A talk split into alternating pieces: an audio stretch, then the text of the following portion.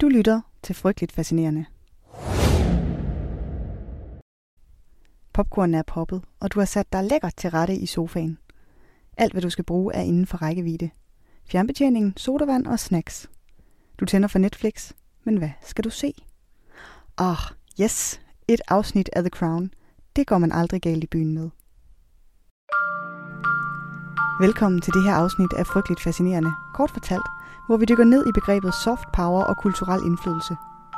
Frygteligt Fascinerende er et podcast om alt det frygtelige, som alligevel fascinerer os.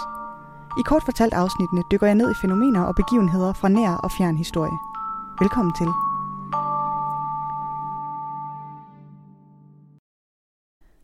Det er mere end tre år siden, at Gary Oldman vandt en Oscar for sin rolle som Churchill i Darkest Hour. Jeg synes, det var velfortjent. Som en af de få britiske skuespillere fra arbejderklassen, der rent faktisk har klaret den i Hollywood, så fortjener den præstation alt den ros, den får. Men det har alligevel altid nadet mig, hvordan den slags film sådan virkelig, virkelig pynter på historien. Selv hvis vi ignorerer de direkte sådan, historiske fabrikationer i Darkest Hour, og ikke dvæler ved, at Churchill bliver fuldstændig glorificeret, selvom han i hvert fald i moderne standarder er glødende racist, så er der altså noget sindssygt problematisk ved de her film de repræsenterer sådan et slags postkolonialt sådan melankoli. Sådan lidt at drømme sig tilbage til fortidens storhed. Et slags sådan nostalgisk tilbagekig til bedre tider. Men vi ved jo godt, at tiderne ikke var bedre i gamle dage.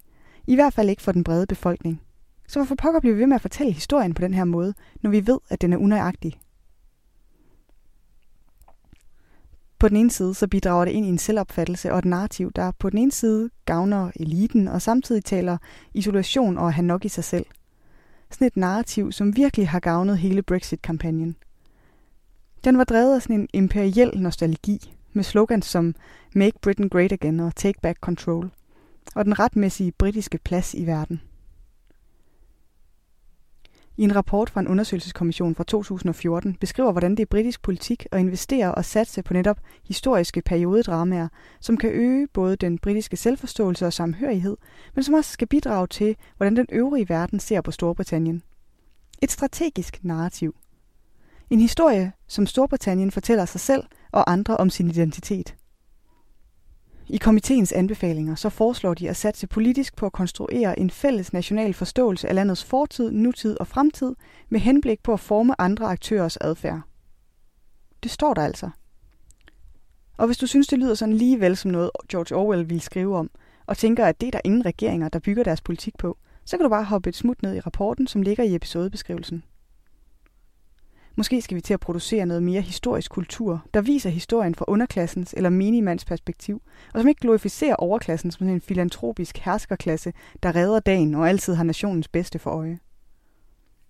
Når The Crown høster Emmy'er, så er det altså værd lige at have en mente, at det er en del af en velovervejet kulturel magtstrategi, og man ikke kunne være bedre tjent med tv og film, der fortæller historien, som den opleves af den redde befolkning, og ikke en afgrænset elite.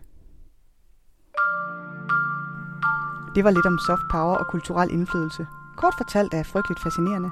Researchet skrevet og optaget og redigeret af mig. Jeg hedder Maria. Næste afsnit kommer allerede i næste uge, og du kan høre det i iTunes, Spotify eller der, hvor du normalt lytter til podcast. Du kan følge Frygteligt Fascinerende på Instagram, og gør det endelig, hvis du ikke allerede har gjort det. Hvis du kunne lide det, du hørte, så giv podcasten en anmeldelse. Det hjælper andre med at blive frygteligt fascineret. Tak for nu.